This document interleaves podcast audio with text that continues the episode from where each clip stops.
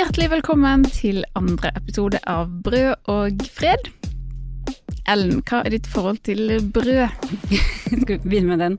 Vi går rett på brød i dag, brød. så tar vi fred neste gang. ja. Um, nei, jeg, um, jeg syns jo det er en Vi har valgt det som tittel litt fordi brød er på en måte veldig basic, da. Det er jo, det er jo et bilde på mat, og uh, jeg uh, pleier å bake brød. Eh, Sterkt. Ja, med en veldig enkel oppskrift, da. eh, Med kaldheving over natta og sånn. Men eh, grunnen til at jeg gjør det, er jo fordi jeg bor delvis i Sverige. Og eh, der er Sverige har et dårlig forhold til brød. Syns i hvert fall jeg. Altså de har selvfølgelig surdeigsbakerier og fancy ting i de store byene.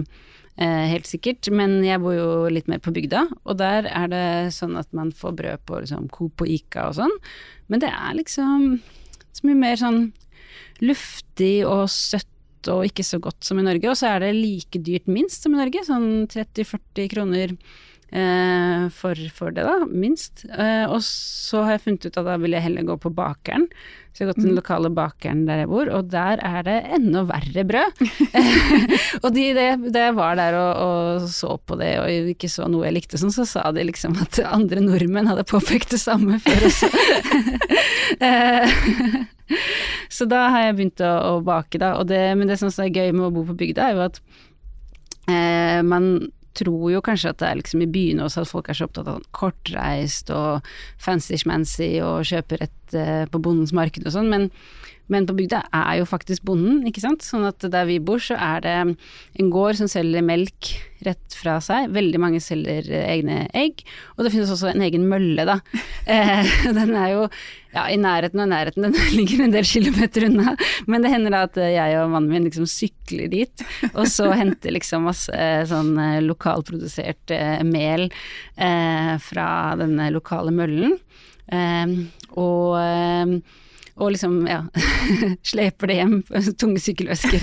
og så har vi liksom sikret oss eh, for, for vinteren. Og det føles ja, og det føles veldig sånn, eh, sånn real, da. Og, eh, og ja, det blir, det blir godt. Og det blir jo også nå i disse tider billigere enn å kjøpe det der dyre, dårlige brødet. For det syns jeg er ganske interessant. Altså sånn eh, med Sverige at det både er dårlig brød, men også liksom så dyrt. Det var det en svensk eh, kunstner som fortalte meg en gang at hun hadde bodd litt i Oslo, og at hun syntes at alle sve- svensker reagerer på prisene her, syns de er helt vanvittige. Men da akkurat brød så slår vi dem, da, for vi har en billig variant til folk med lite penger. Eksempel på min lokale Coop så har vi eh, ekstra kneip til 8,90 tror jeg, mens i Sverige så bare finnes det ikke noe sånt. Det er eh, min minimum 35, liksom. Mm. Eh, så eh, akkurat der så kan de dra på norskhandel, og vi måtte vunnet, eller vi måtte, og det, og det er også litt morsomt, for det er masse land rundt i verden som kontrollerer nettopp brødprisen, ikke sant, Mm. og subsidierer brød, og jeg tror særlig i Nord-Afrika har de veldig mye sånn priskontroll på brød, og det, det har jo ikke vi, men det virker i hvert fall som vi, vi har på en måte sikra oss da, med liksom billig brød til massene hvis det, hvis det skulle knipe. Men hvorfor heter vi Brød og fred? Da må vi litt eh, tilbake i tid, eh, til første verdenskrig. Det er på en måte ikke en veldig viktig krig for nordmenn. Det er jo sikkert fordi vi ikke har vært så veldig involvert, kanskje. Eller det er vel òg fordi alle menn over 50 har oppheng på andre verdenskrig. Så det er ikke plass til to Nei. kriger. Men det eneste jeg vet liksom eh, kan tenke første verdenskrig og Norge, det er jo Terje Vigen av Ibsen, som handler om en mann som prøver å, å skaffe korn til brød, Ja. men ikke får til pga. blokaden eh, i, i sjøen. Sånn at det er i hvert fall Det er sant. Så vi har noe lenke. kobling. Ja. Men uansett, i Russland skjer det ting. Ja. I i Russland mot eh, slutten av en verdenskrig, i 1917, så var det veldig mange som var, menn som var sendt ut i slagmarken.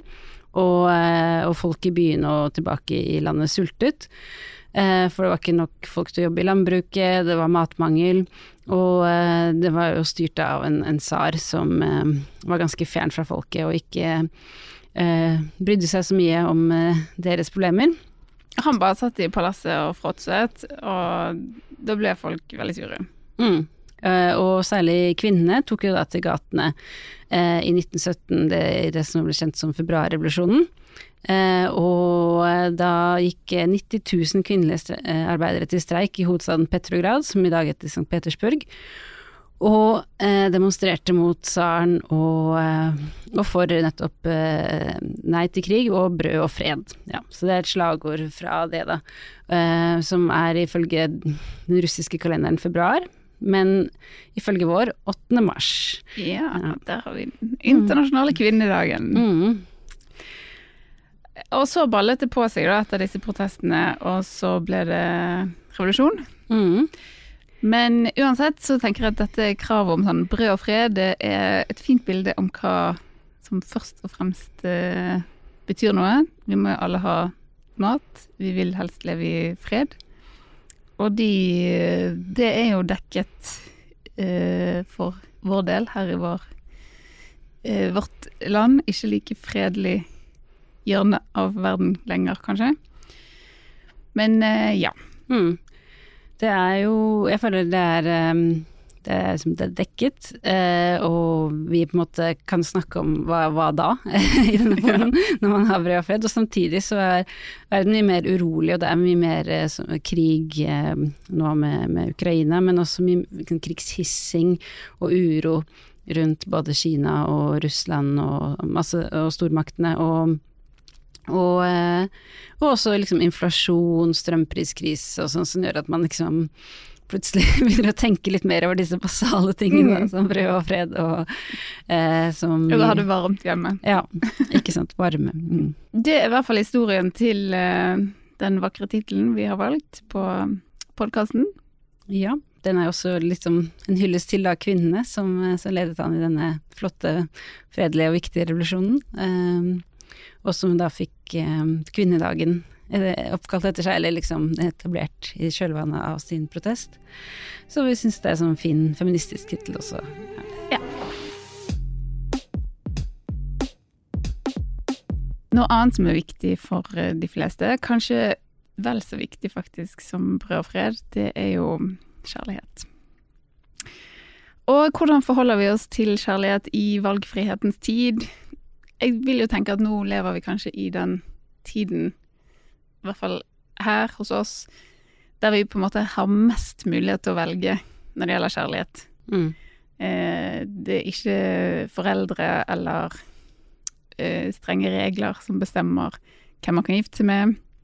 Man kan gifte seg mange ganger, riktignok bare med én person av gangen. man kan velge å ikke gifte seg og ikke være i forhold. Eh, Tror ikke du man det er liksom topp valgfrihet eh, for oss elever nå? Jo, nå i Vesten i hvert fall tror jeg det er uh, virkelig peak valgfrihet. Det ja. har vært uh, ikke langt tilbake, bare noen få generasjoner hvor det var mye mer sånn tradisjonen, foreldre og sånn var involvert. Og uh, i mange land er det sånn fortsatt, mens for oss så er det veldig, veldig fritt. Mm. Mm. Men det som er interessant er jo at selv om det er veldig fritt, så eh, holder liksom eh, idealet om parforholdet seg Det holder seg veldig sterkt. Mm, og veldig norm. Eh, ja. Det er sånn det man også lengter etter om man ikke får det til. Ikke alle, selvfølgelig, men, eh, men det er veldig sånn øh, norm. Og når det trues litt som norm, når det blir måtte, inn å være eh, ja, å være singel inn og være kanskje litt sånn flytende, være, ha åpent forhold og alt mulig, så føler jeg at det ofte kommer et slags konservativt backlash. Eller jeg vet ikke konservativt, men et backlash, da. Pendelen svinger igjen mm. tilbake, og så blir det plutselig veldig inn med sånne her ting som, som par, parting. Mm. At det liksom ikke Det går ikke vekk, da. Det vil alltid Det svinger frem og tilbake, men det, men det er stabilt. Eh, veldig til stede, da. Mm. Mm. Jeg, jeg er egentlig ganske jeg er for det. ja. Jeg, jeg er for seriemonogami. ja.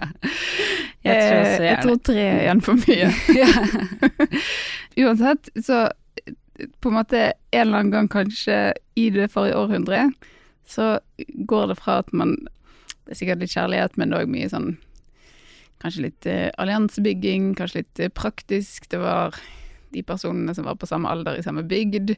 Liksom, så ble det de, og så ble man gift, og så så, så ble det sånn. Men så skjer det en liksom veldig sterk romantisk vending.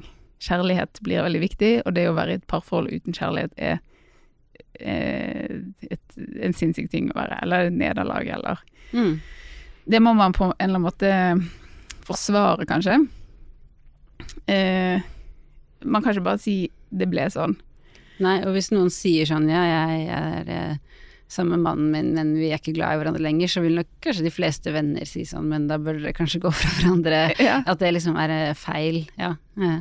ja. Mm. Man, det å ha en sånn Jeg tror det har veldig mye å si hva alder man er, da. Eh, I hvert fall hvis man er relativt ung, så tror jeg det å på en måte være sånn Ja, vi er i et parforhold, men vi er først og fremst venner. Det, det er helt uh, vanvittig, på en måte. Eller det Mm. Det tror ikke jeg noen vil tro det si høyt, da. Nei. Eh, mens kanskje hvis man er mer i siste halvdel av livet, at eh, så for det første snakker man kanskje ikke om forholdet sitt på den måten, men, Nei. men eh, man Det vil kanskje et litt mer aksept for Ja. det, da. Ja, det er jo sånn TV-konsept reality som går i mange land. Jeg vet ikke om Norge har fått det ennå, men det er i hvert fall i Sverige og Portugal. Eh, hvor det er den derre at man skal gå møte en eks og, og se om man kan bli sammen igjen, liksom. Og når folk da er med der, og i 20-årene jeg så en episode hvor det var to 26-åringer som skulle snakke igjen, og da ble det bare sånn derre Men dere er jo 26! Hvis dere liksom lurer, hvis, dere, hvis det ikke funket, så bare finn noen andre, liksom. Det, man kan ikke liksom involvere meg for at å nei, det er så fælt hvis de De går for samme gang. ja. Det er veldig pussig, ja. Ja, på den ene siden så tror jeg det er veldig bra at man nå på en måte tenker mer over, eller liksom at det finnes en norm om at man skal ha det bra i parforholdet sitt, da. At, at det er jo fint. Eh, at eh, ting ikke bare er sånn Sånn ble det. Em, men så er det jo ikke alltid så lett, eh, dette med forhold, og det begynte jeg å tenke litt på når jeg så sesong to av eh, The White Lotus. Har du sett den? Jeg har sett nesten hele, jeg har sett fem episoder, så nå begynner det å liksom Kanskje tikne til. Nei, jeg tror ikke det kommer noen spoilere. Nei, det er jo Men det, um, det dukker opp et lik i første episode, i første um, åpningen, så noen dør, har jeg skjønt, men, eh, jeg dør. vet ikke hvem ennå. Mm. Eh, jeg syns i hvert fall det er en veldig gøy serie. Du er litt mer lunken. Ja, altså jeg, Men jeg er sånn sur gammel gubbe. Sånn, ikke hør på meg nesten. Men, men hver gang liksom, noen sier sånn 'Det her er en tv-scene her, den må du se', og så setter jeg meg ned og skrur på, så er det litt sånn eh. Men det, det tror jeg liksom Jeg syns det er så mye plott, kanskje, i, i serier generelt, og at de på en måte virker av og til Også de gode, da, skrevet litt over en sånn eh, lest for å prøve på en måte å, og, lure deg inn, hooke deg til å se neste episode. Um, og også at kanskje karakterene er litt sånn um, jeg- flate. Jeg tror ikke helt på dem. Det er litt sånn sjablonger. Altså han er en sånn type, hun er en sånn type. Men at det er liksom hele og, og runde figurer, da. Sånn at uh, det er på en måte underholdende og bra laget, men, men liksom um, Det er ikke Mrs. Dalloway. så hvis man liksom holder det opp mot det skjønne, det sanne, det sublime eller noe sånt, så, så syns jeg ikke det holder. Men, Men hvis vi Men ikke legger listen der, hvis ikke legger listen der, så er det bra underholdning. ja. Og eh, mål Altså dette er jo, eh, for de som ikke har sett det, det er en serie fra et eh, luksushotell, sånn veldig luksushotell, i sesong to da på eh, Sicilia i Italia, men det er en amerikansk serie, da, så det er amerikanere som bor der. Det er to par i denne eh, serien. Eh, det er to menn som har vært roommates på college, og han ene heter Cameron, og han er liksom kjekkasen og er skamrik. Og Ethan, han er mer har vært sånn nerd. Ikke eh, ligget rundt masse på college. Det er i hvert fall det han Cameron sier. At liksom han mobber han litt for det. Ha-ha, du satt bare på rom og festet aldri og lå aldri med noen. Men han Eaton er òg nå blitt eh, skamrik litt nylig, fordi han solgte et selskap eller et eller annet. Så han er på en måte blitt tatt inn i varmen til denne også veldig rike Cameron. Mm. Eh, og disse er da på sånn partur. Eh, Cameron, altså kjekkasen, og konen Daphne, de fremstår som et veldig sånn pent og perfekt par. De har noen unger de sitter, som ikke er med på turene. Eh, de sitter hele tiden tett, og de flørter med hverandre, og de ser liksom ut som de er veldig forelsket. Mm. Eh, mens Eton, som er da nerden, og konen Harper, de fremstår på en måte ikke like happy. De eh, eh, Altså, hun virker litt sur for alt mulig. Ja, veldig. Eh, Og er liksom irritert i tillegg for at andre par fremstiller seg som så veldig lykkelig, da. Hun tror ikke at eh, det stemmer. They don't vote, Ethan. I know, what the fuck? They don't read the news. They don't read.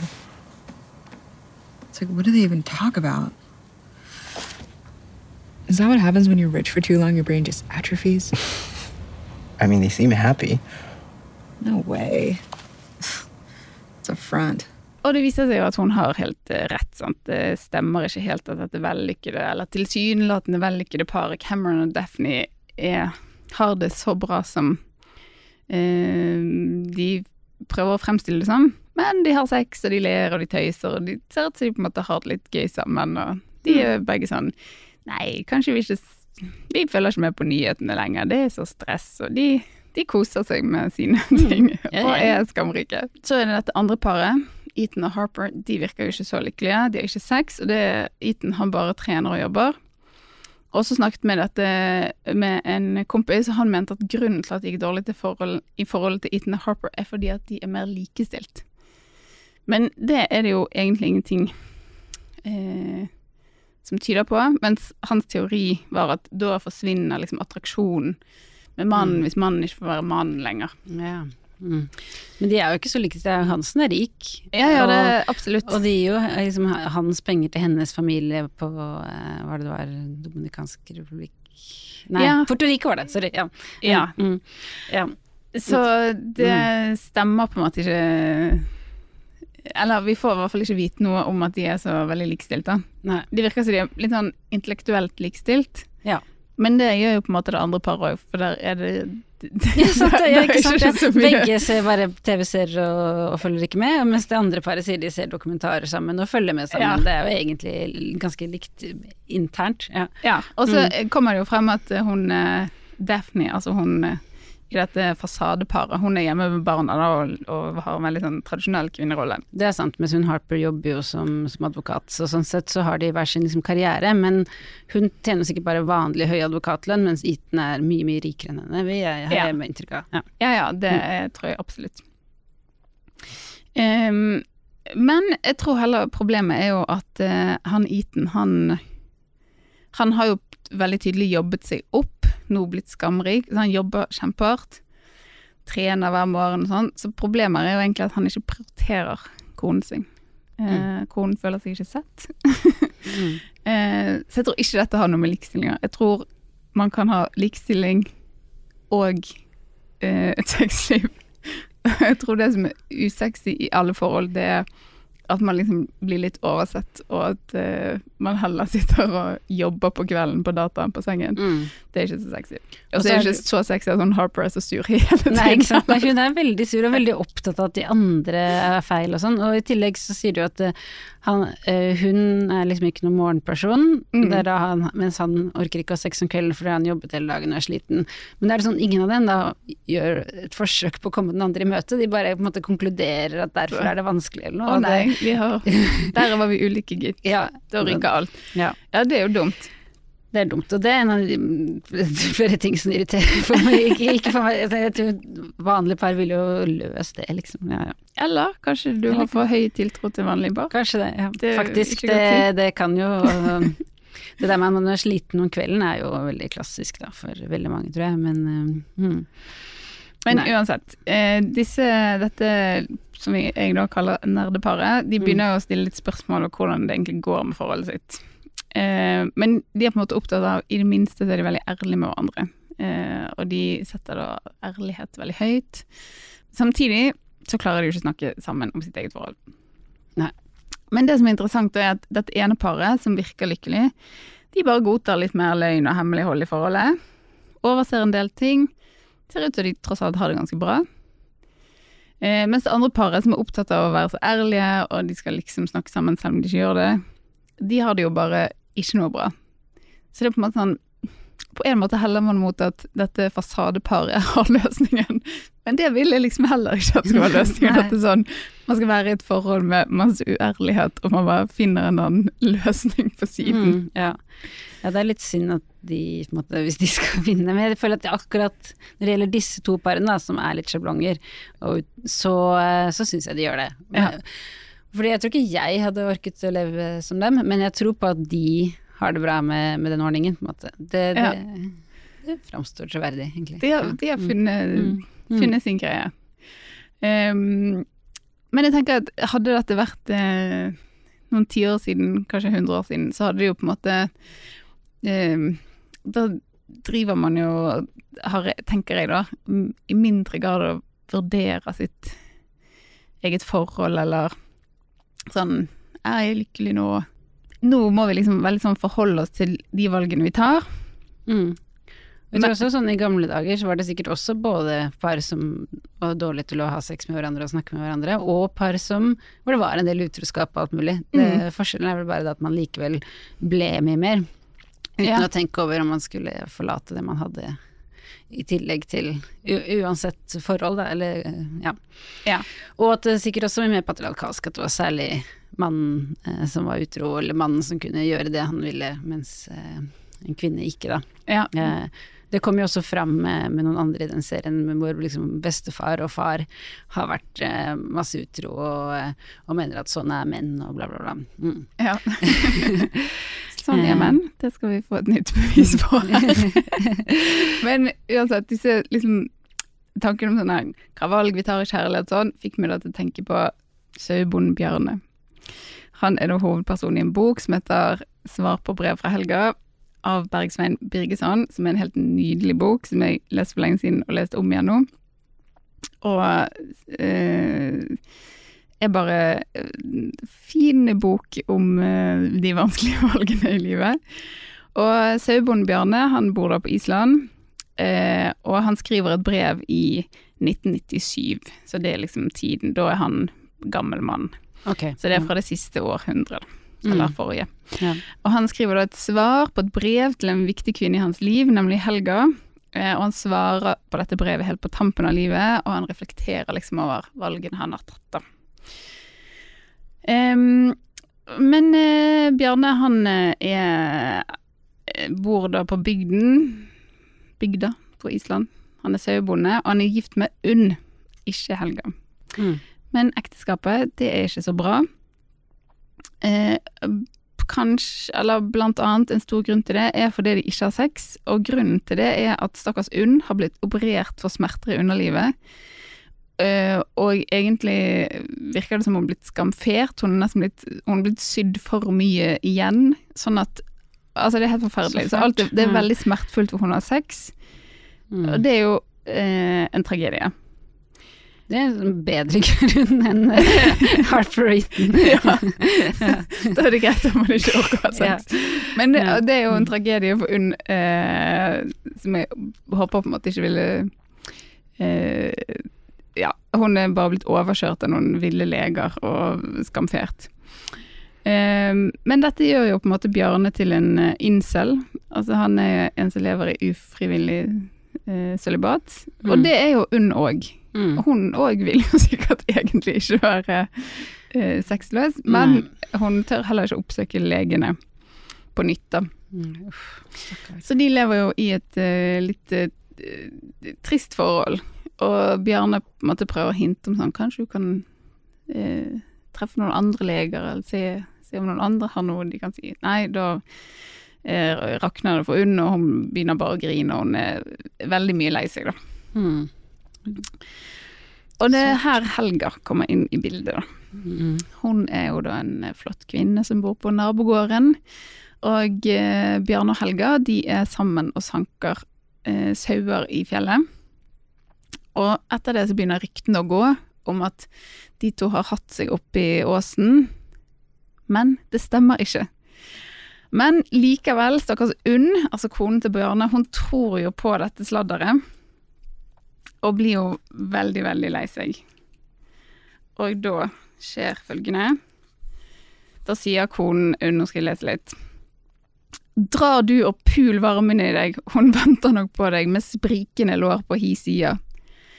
Jeg var fyrste lamslegen av det hun sa, så flaug sinnet i meg. Jeg slo Unn i anletet og ba henne vakta tunga si. Hun raudna. Så sette hun i og stortuta og kalla seg gjeldkrek og stakkars, og hun skjønner ikke hvorf- hvorfor jeg heldt på henne.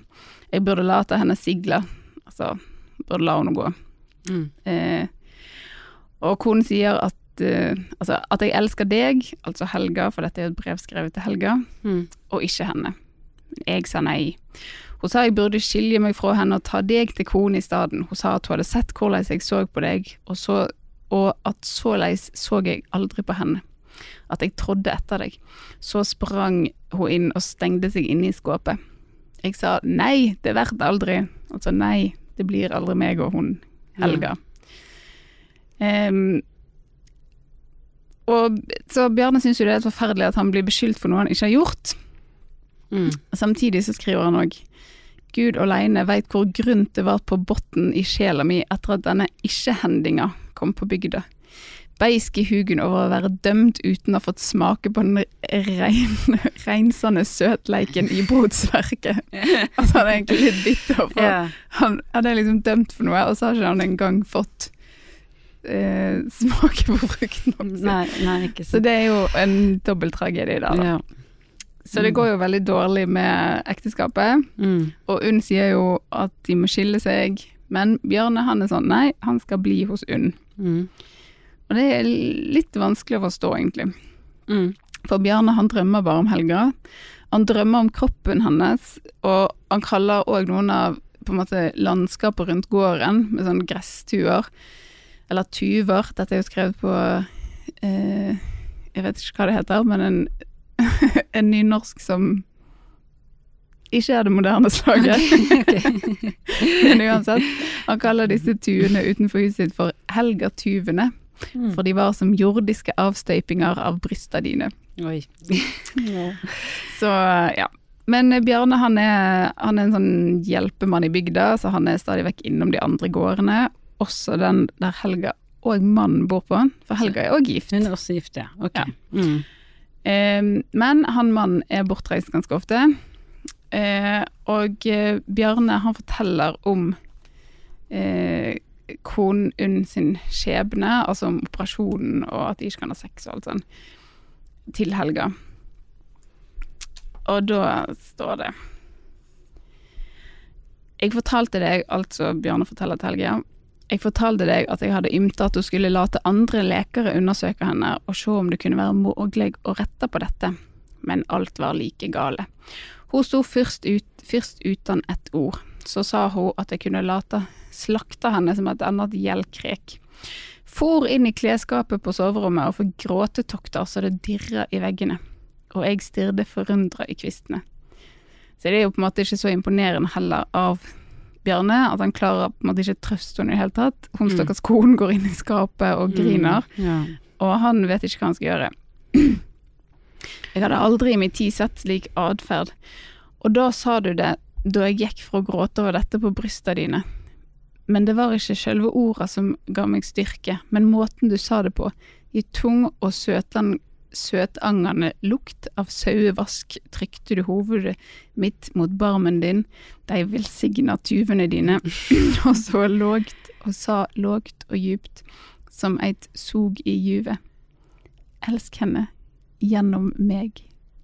ja, lurt. Elsker henne gjennom deg, og så skjørte du hovedet mitt mot de tunge brysta dine, og hva for en mann kunne stå imot slik medferd?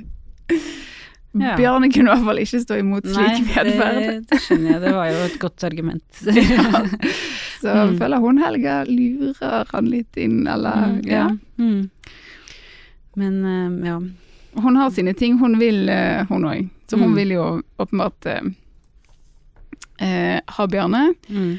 Og så de har seg i, uh, i høyet. Em, og vi må huske at dette er en mann som har levd i sølibat eh, i veldig mange år. Kanskje faktisk hele livet, det er litt uklart. Um, så han, eh, han Han reagerer han, Dette er jo en veldig heftig opplevelse for han. Um, samtidig så fornekter han på en måte det som har skjedd. Eh, På en måte fordi, ja, han skriver Det hender aldri, det hadde aldri båret til. Slik reagerte sjela mi på åtaka fra kroppen. Eh, lekarmen vart blyg, men sjela i meg vert forherda. Ingen skulle noensinne få vite at folkesnakket hadde vært stadfest. Jeg fikk verk for hjertet den natten, jeg visste at jeg hadde sviket unn mi, og det var stygt, kroppen min visste det. Men jeg hadde òg fått se innom døra til himmelriket. Uff, det, det er vanskelig det her, for man får jo liksom veldig sympati eller forståelse for han, at liksom når hun ikke, kona ikke kan ha sex, at han går til noen andre. Men samtidig at det er jo et svik når de har lovet hverandre å Ja, være trofaste. Så han føler jo Han føler Mm. seg jo òg som en drittsekk. mm. Um, men, Mm. eh, men samtidig har han fått uh, smake på det gode liv, da. Ja. Men uansett, selv om han har masse kvaler, så fortsetter Bjarne å ha sex med Helga, da. Eh, og så blir det barn. ja. Men Helga er jo òg gift, men hun sier at hun vil skilles og flytte til Reykjavik med Bjarne. Ja. Men hva tenker Bjarne om det? Du ville bort, og jeg, ettersynsmann for Horgård-rappen, Bjarne Gislason, på hovedbruket av Kolkustad, måtte flytte med deg. I byen kunne vi få ei storarta framtid. Det var nok av penger, og jeg som var så flink med hendene og kunne lage alt mulig og vøle hva maskin det skulle være, ville ikke være ei beit for arbeid. Der stakk ikke hver mann nesen i det andre holdt på med, sa du, slik som i bygda her. Der kunne en gå på sykurs og kjøpe ty og mønsterblad slik at ens egne barn kunne gå kledde som folk. Der kunne folk te seg. Der var det råd til å lære seg hva en ville. Du hadde en drøm, sa du til meg, du hadde lest deg til om det. Du ville lære keramikk, sa du, og støype og forme leirkar og kruser og kunstting. Der kunne en gå i teater, og der kunne en gå på kafé og kjøpe seg sjokolade. I Reykjavik var det ikke den fordømte evige nordanvinden fra åpe uthavet, slik det var her. Overtellinga di var sveipt i eldhug og overtydende øsing, slik at jeg ble riven med og så livet i Reykjavik før meg i den glansen som du ga det. Siden hugsa jeg hvem jeg var. hvor jeg var. Jeg snudde meg bort og så møkahaugen utenfor sauefjoset. Og det var der han fant ut. Ja. Her hører jeg hjemme. ja. Mm. Han kunne ikke dra fra gården. Nei. Han er Eh, veldig bundet til tradisjonen og måtte, ja, det, det gamle mot moderniteten og ja. Eh, ja, han er veldig skeptisk til uh, uh, Reykjavik, det kommer mer om det. mm. Men òg at han på en måte har lovet faren å overta gården. Den har vært i familien i ni generasjoner. ja. Da blir det jo òg veldig trist at han på en måte blir den siste generasjonen. Da. Men så skriver han i hvert fall helt fra denne seinkvelden har jeg vært den som ikke for, den som valg, valgte småkårslite fremfor kjærleiken. Jeg vedgår at det var vanskelig stundom.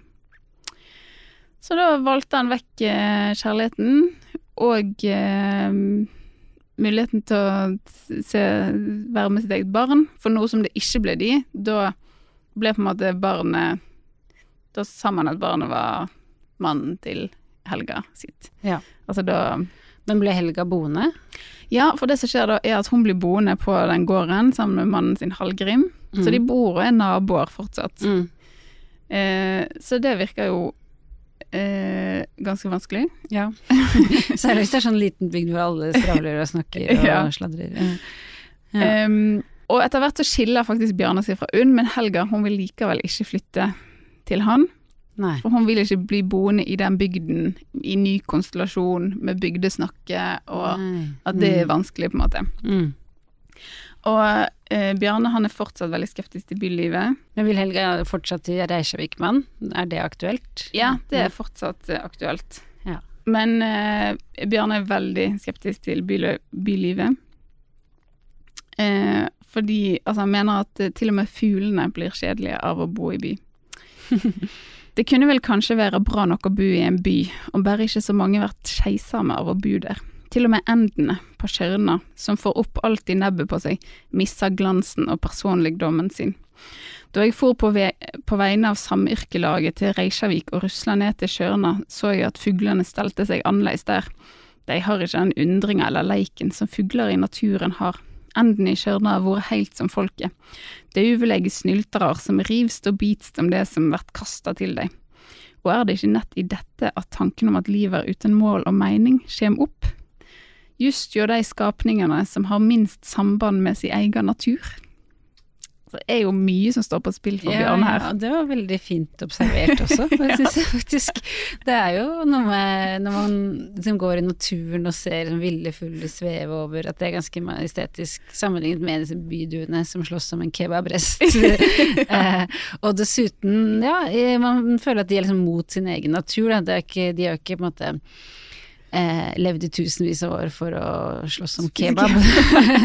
så, så, de har jo på en måte ja, blitt, uh, blitt litt sånn Domestisert på en litt på patetisk måte. På måte. Uh, ja, og spørsmålet er jo er menneskene òg blitt sånn av å leve i by? Mm, ja. Eh, Kanskje. Bra spørsmål. ja. Der man liksom ikke tydeligvis mener jo han sånn i pakt mm. med naturen og mm. Ja. Og han ser i hvert fall for seg at livet for han i Reykjavik hadde sett sånn ut. Jeg hadde blitt ett av to, gatefeier eller vakt på en bensinstasjon, og når jeg døde, ville ingen legge merke til det. Det hadde bare kommet en ny i staden. Jeg hadde vært lønnsmottaker i Reykjavik, og en matt glans hadde fallet over tilværet mitt. Jeg har levd all min dag med et glødende von om å møte kjærleiken att. På noen måneder ville denne gloa ha slukna i Reykjavik. Alt mitt arbeid hadde vært kjemisk fritt for mening. Jeg hadde kjent skeisemda renne over meg og begynte å drikke brennevin for å finne meg sjøl att. Såleis vert dei i Reykjavik. Stakkars menneske der. Tror du at jeg kunne elska deg på slik en stad, Helga? det, det, er så nydelig og ja, ja, ja. Uh, veldig gøy. At det er sånn Han, han Apropos, eller vet ikke om vi har snakket om sånn uh, Somewheres and Anywheres. Ja. Her er vi en som sitter fast i gården. Han skal ikke ja, Han er virkelig somewhere, ja. ja. Mm, men det Ja, jeg kan skjønne det. Hun sier jo også at han kan få jobb i byen fordi han er så nevenyttig. Mm. Eh, men det, det, blir jo da lett sånn lønnsmottaker et eller annet sted, en i et nummer i rekken, på en måte. Ja, ja. Og han kommer jo til å falle i status, for han har jo på en måte en slags sånn posisjon i bygden. Han er sånn mm. person som drar til gården og hjelper til med alt mulig. Mm. Mens i byen ville han jo vært ingen Så det er han han På en måte virker det som han bekymrer seg ganske mye for sånn statusfall også. Mm. Interessant. Hmm. Ja. Eller kanskje Kanskje statusfall, men òg å liksom miste litt sånn hvem man er i verden. Ja. Da må man bli en helt annen. Ikke sant. Men ja. Det er jo sånn eh, i den moderniteten at man blir veldig sånn en i rekken, en som jobber et sted. Eh, ja. Mens man i det gamle samfunnet var litt mer ja, bygdas uh, klippe, liksom, eller et eller annet, hvis man var flink, da. Mm. Um. og da er spørsmålet, kan man elske noen når man er så ulykkelig som han ser for seg at han mm. kommer til å bli? Ja, godt spørsmål. Det, kanskje ikke. Nei. Nei, det er vanskelig balanse. Det tror jeg jo på en måte er, er no, en ting mange eh, eh, kan kjenne seg igjen i. Kanskje ikke så prekært som han beskriver det, men på en måte f.eks. med eh, jobb eller hobbyer eller interesser man har som på en måte er utenfor forholdet, da. Mm. Og så er det viktig i livet sitt at man på en måte får dyrket det, eller holdt på med ting man syns er gøy. Mm. Og hvis man ikke får det, hvis man må si det helt opp for forholdet, så vil jo det kanskje gå utover forholdet òg, da. Mm. Men der er det jo en vanskelig balanse. For det kan jo mm. ikke være sånn at menn skal bruke 50 timer i uken på golf, og hvis ikke, så funker ikke forholdet. Nei, ikke sant. Da funker det nok ikke uansett. Men tenk også på i, Jeg er jo redaktør for et julehefte som kommer til hvert jul, som heter Rød jul, og da var det en lokfører som skrev veldig fin mm. tekst i årets, eller fjorårets blir det jo da, eh, julehefte. Og eh, Magnus Delseth heter han, og han skrev liksom at han besøkte graven til en, eh, eh til en som het eh, Eugen, og som var lokfører i gamle dager. Og at det står det liksom med store bokstaver på graven hans 'lokfører'. Og så igjen, jeg tror ikke det kommer til å stå på min grav. Mm. Delvis fordi jeg tror at eh, jobbtittelen min snart endrer seg til mobilitetsoperatør eller noe annet. Det syns jeg er veldig bra poeng. Eh, vi kommer sikkert til å komme opp med en drittittel, men mest fordi Sånn gjør vi jo ikke lenger. Vi skriver Nei. jo ikke hva folk jobbet med på gravstedene, fordi vi liksom er så mye mer enn jobben vår. Eh, og det mener han selvfølgelig er en veldig bra ting, ikke sant. Så vi skaper jo mening med liksom venner, familie, eh, i kjærligheten for Mm. eksempel. Eh, hobbyer, mye mer. Og da ser vel liksom Bjarne for seg at han kan ikke være så mye annet enn jobben sin, på en måte. Han, han henger så sammen med å være sauebonde at eh, for han liksom, hvis han da begynner å jobbe på en bensinstasjon isteden, så blir han bensinstasjonarbeider Bjar- Bjarne, og det er liksom for trist, da. Det kan jeg skjønne. Eh, andre vil kanskje tenke at det er ikke så trist det, fordi du gjør så mye annet, du er så mye mer. Ja. Um, Og pris, eller liksom eh, premien her er at han får være med det som virker som sitt livskjærlighet, Mm. eh, og ikke minst barnet sitt. ikke sant. Og vi er vel vant til å tenke at det er mer enn nok. Ja. At det må han jo selvfølgelig velge. Han må gå for kjærligheten og så bare jobbe et eller annet sted. Og så er det med Helga og datteren at livet egentlig er. Ja. Men det er kanskje vanskelig for, for han å se for seg. Eller det virker sånn. Ja. Og det kan man jo også skjønne, egentlig. ja. Han er jo veldig klar over hva han mister, men ikke så klar over hva han kan få, kanskje. Mm. Eh, men så skriver han eh, også at eh, eh, ja, altså Han ville prøvd med han skriver Jeg ville ha tydd til hva som helst for å vinne over keisomheter og tomleiken som fyller med, og det å kunne velge alt, liksom av en meny. Som er sånn som han ser for seg livet i Reykjavik, da, der alle bare er opptatt av penger og kjøpe ting. Mm. Um, og så skriver han Skulle jeg grave grøfter og sette opp eh, barakker for amerikanerne, disse sjelløse skapningene de kunne, de kunne alle sammen gjerne fare til månen for meg og være der. Skulle jeg arbeide for deg og dermed være slik som deg? Kunne jeg ha elska deg da? Jeg, treng, jeg treger ikke på noe, Helga, og det betyr jeg angrer ikke på noe, Helga. Av de at du skulle ha det slik. Derfor hevder jeg at i Røynda hadde jeg aldri noe val. Val var ditt, og du ville ikke ha meg. Hæ? Legger han all skyld på Helga. Mm. At det er hun som liksom ikke valgte Hun kunne valgt han, men da måtte hun valgt å bli i bygden. Mm. Så Og det er jo kanskje litt sant, det òg. Det var Ja. to, to som ikke ville det nok. Mm. Det er vel, det virker jo sånn, ja. Hun ville det ikke nok til å bli der og være sammen med han, og han ikke nok til å flytte. Mm. Så virker det som det er litt eh, kommunikasjonssvikt her òg. Det kan jo hende de kunne funnet en annen sauegård ja, ikke sant. et annet sted på Island. Det er jo ikke så tett befolket. Nei, det er sant. Flytte til en annen bygd, begynne på nytt. Men det er også sånn eh, noe med hvis det er ni generasjoner og bla, bla, bla, så er det vel ikke Ja. aktuelt å bare liksom kjøpe en gård. Det blir vel noe helt annet. Det er sant. Ja. Um, men det som i hvert fall uansett blir klart, er at dette handler jo på en måte ikke Dette handler jo i hvert fall ikke bare om sånn at han er så opptatt av UNN og det monogame ekteskapet. Han skiller seg jo for så vidt etter hvert. Eh, og det handler jo ikke bare om normer eller sånn, men det handler jo òg mye om hvordan han ser for seg at livet Han er redd for å, å trå ut av det kjente, da. Eh, og har masse fordommer, spesielt mot amerikanere. Og kanskje også en ganske god selvinnsikt på at han vet at Det spørs jo om det er sant, da, sånn Mm. som han ser for seg byen. Men han tror liksom i det der greiene der, der kanskje jeg lever. Mm. Ehm, ja, det virker som selvinnsikt, selv om han har aldri har prøvd, så man vet jo ikke. Men um. Så jeg tenker det er litt sånn uvanlig sånn uh, For i, i dag så tror jeg man ville tenkt mye mer sånn Når man vurderer et uh, parforhold, da, så er det sånn Er dette parforholdet uh, bra? Og så er det på en måte de to personene som er involvert, av og til kanskje en tredjepart som gjør at det blir vanskelig. Men det er på en måte ikke sånn Nei, jeg kan ikke være med deg, for de sjelløse amerikanerne bor i? Reykjavik. Ja, ja. Men jeg liker jo at sånn, egentlig så er det Nato som har all skyld.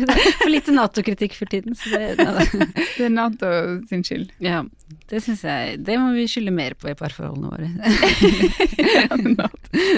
Men uansett så kommer det da en nyhet om at eh, Helga hun skal skilles fra mannen sin Hallgrim Mm. og flytte til Reykjavik. Og nå er jo Bjarne skilt, Ja, så begge skilles nå. Mm. Begge skilles, og, og da begynner Bjarne å fantasere om muligheten for en ny sjanse, da. Mm. Og da skal Elga flytte dit med deres felles datter, som offisielt er Hallgrimsdatter. Ja. Ja. Um, men uh, Bjarne snakker på en måte ikke med Helga om dette sånn på mobilen, eller Så han eh, dukker opp, da, Mm. på døren. Um, I Reykjavik eller i bygda? i Reykjavik når Ja. hun har flyttet. Og så står han der eh, og banker på døra eh, i, de, ny, i den nyreiste blokka ved brakkene. Du åpner døra, og der utenfor sto en mann uten bakkekontakt og så på deg.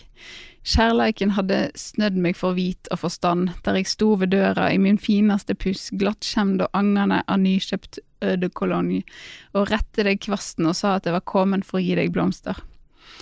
Du ser ut som du skulle ha sett draug. Du stirrer på meg storøyd, storøyd med de fine kuøynene dine. Det er altså et kompliment å si at man har kuøy- kuøyne. Som jeg kaller deg, deg for meg sjøl.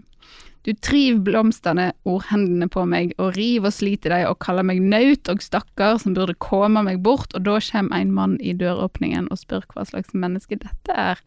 Og nå skal jeg tale beint fram helga mi, nett på dette punktet var det som om livet var teke fra meg, alt var svart for øynene mine, jeg husker ikke klart hvem av oss som begynner, men jeg var et såra og hjelpeløst dyr som var trengt inn i et hjørne av menn med kniver, og de eneste utveiene var å vise tenner eller å dø, så jeg tok visst mannen og slengte han i veggen enda han var mye større enn jeg, og let slaget hagle på han medan du roper og slo meg i skolten med blomkvasten. Oi, Det endte veldig dårlig. det endte veldig dårlig. Uff. Så Ja. toget var godt, da. Hun Ja. hadde funnet seg en, en ny mann. Oi. Ja, sånt skjer jo. Eh, han blir jo en slagen mann. Han blir liksom eh, Ja, virker, virker som han blir en skygge av seg sjøl. Og da bor han alene på gården og Unn har flyttet ut, da? Eller? Ja. Mm. Men så kommer det et brev fra Helga til Bjarne. Og Helga skriver at hun har skilt seg fra mannen i Reykjavik, og hun ber Bjarne komme til henne, og ber Bjarne om tilgivelse. Mm. Og da tenker man hva Nå, nå er det vel en happy Nå kan ending de, på nå kan de Romeo og Julie endelig få hverandre. Ja. Nei, hva gjør Bjarne da? Nei. Han ghoster Helge. Ja. Han svarer ikke Nei. før nå, helt på tampen av livet. Mm, så det, da snakker vi 10-20 år senere, liksom? Ja, Ja. lenge etterpå. Ja. Og da skriver han Jeg synes aldri før at jeg måtte svare deg, for det var mer enn nok for meg å vite at du hadde sagt deg skilt fra mannen, at du ville at jeg skulle komme til deg, at du ba meg om å tilgjeve, at du sa at du, at du skrev i brevet at du elsker meg. Denne vissa om varmen på den andre sida, vissa om at det fantes en kvann som tenkte varmt om mennesker og elska mannen, var mer enn nok for denne bonden. Mm.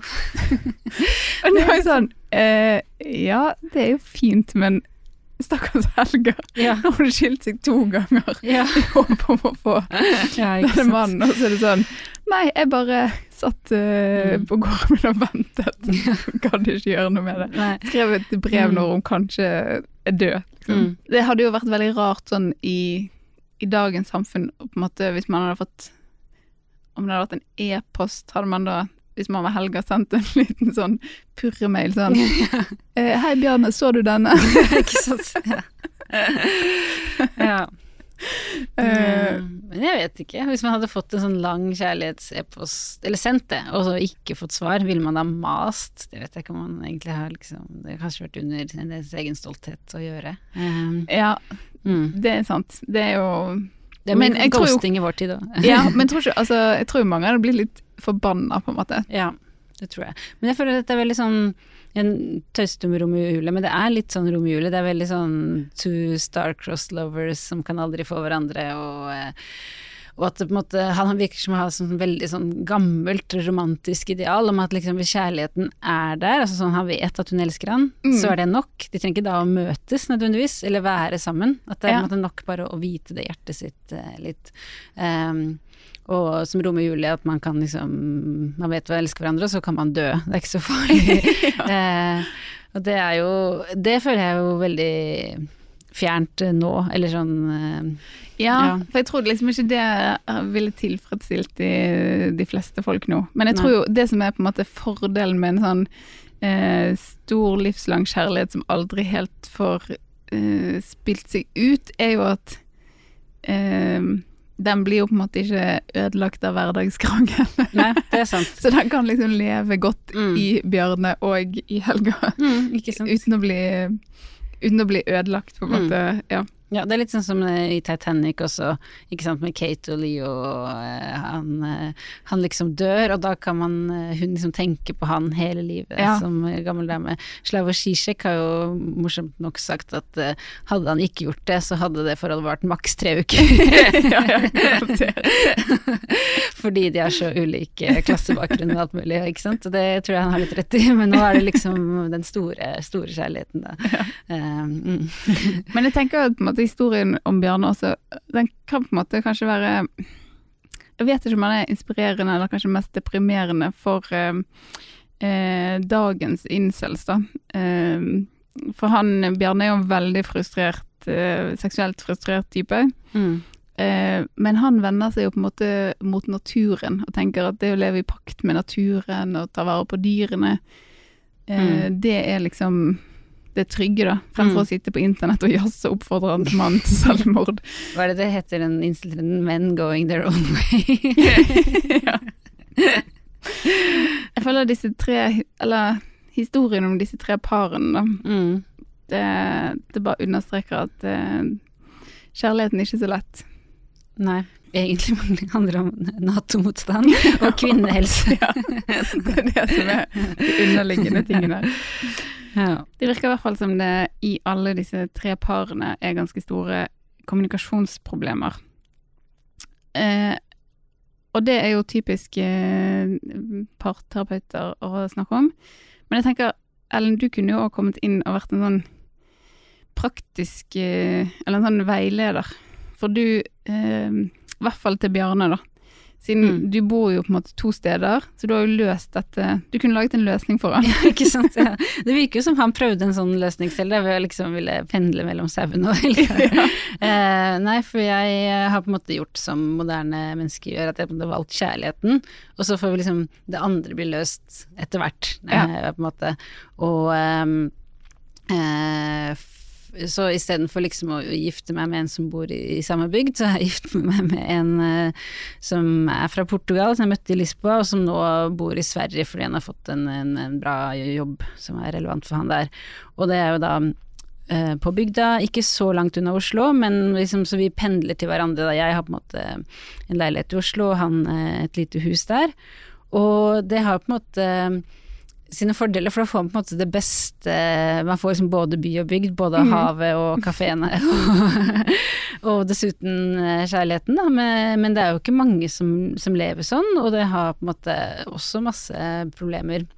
Eller man får i hvert fall Det er veldig mye reising, mye mm, planlegging, trenger å kommunisere mye. Trenger, trenger gode kommunikasjonsferdigheter, begge to. Ja, og man må oppgi mye også, ikke sant. Jeg har lært meg gjennom årene at hvis jeg skal sånn jeg må prioritere hva jeg eh, vil gjøre i Oslo. Jeg kan ikke gå på alle filmer, alle eh, teaterstykker, alle bokklubber, alle vennetreff jeg vil, for da ser jeg aldri mannen min.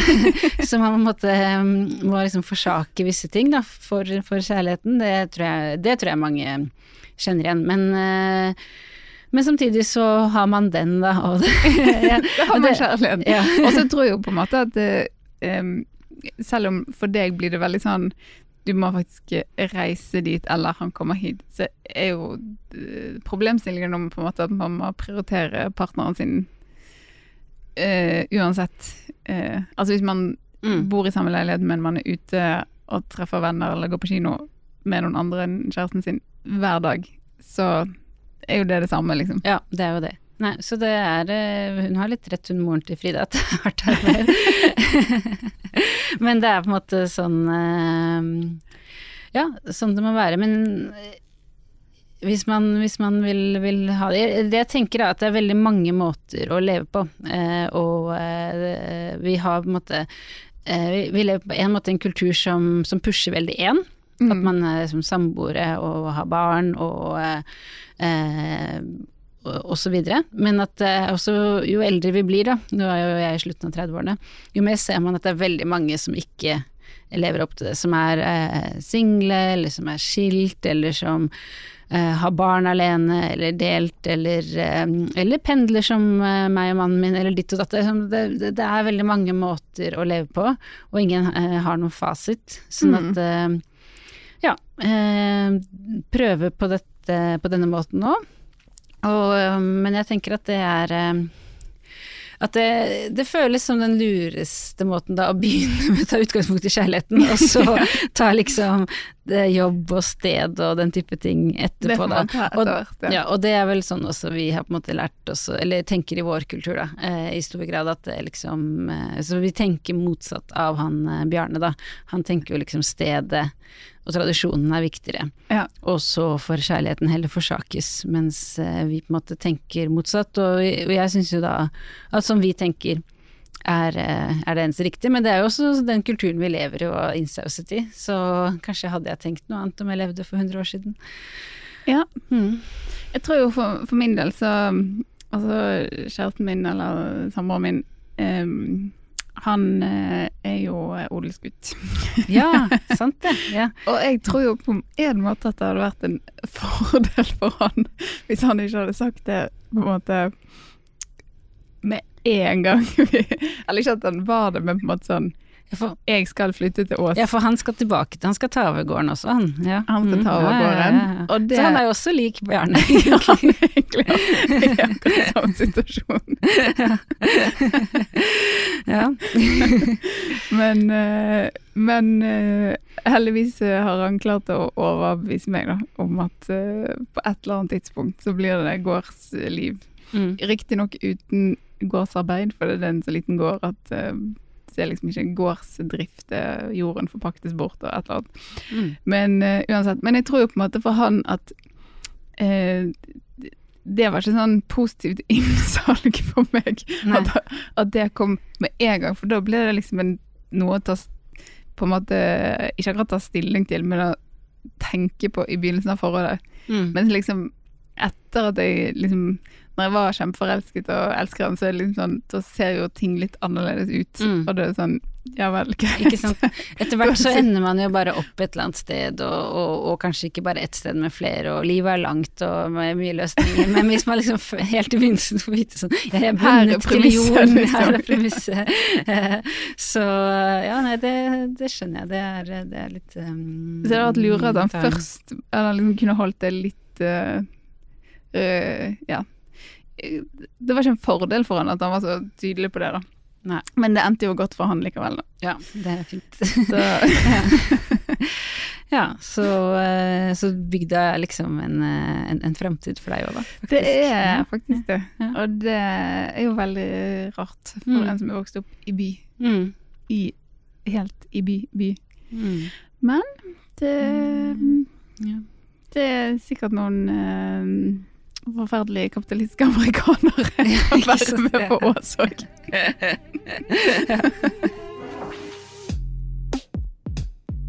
Jeg vet ikke om du husker eh, Frida med hjertet i hånden. Jo. Den hørte jeg på lydbok sånn cirka, kanskje faktisk 50 ganger i løpet av oppveksten. Ja. Og da spør eh, Frida moren sånn Mamma, mamma, hva er kjærlighet? Og så Mm. sier moren sånn, etter å ha tenkt seg om Kjærlighet, det er hardt arbeid.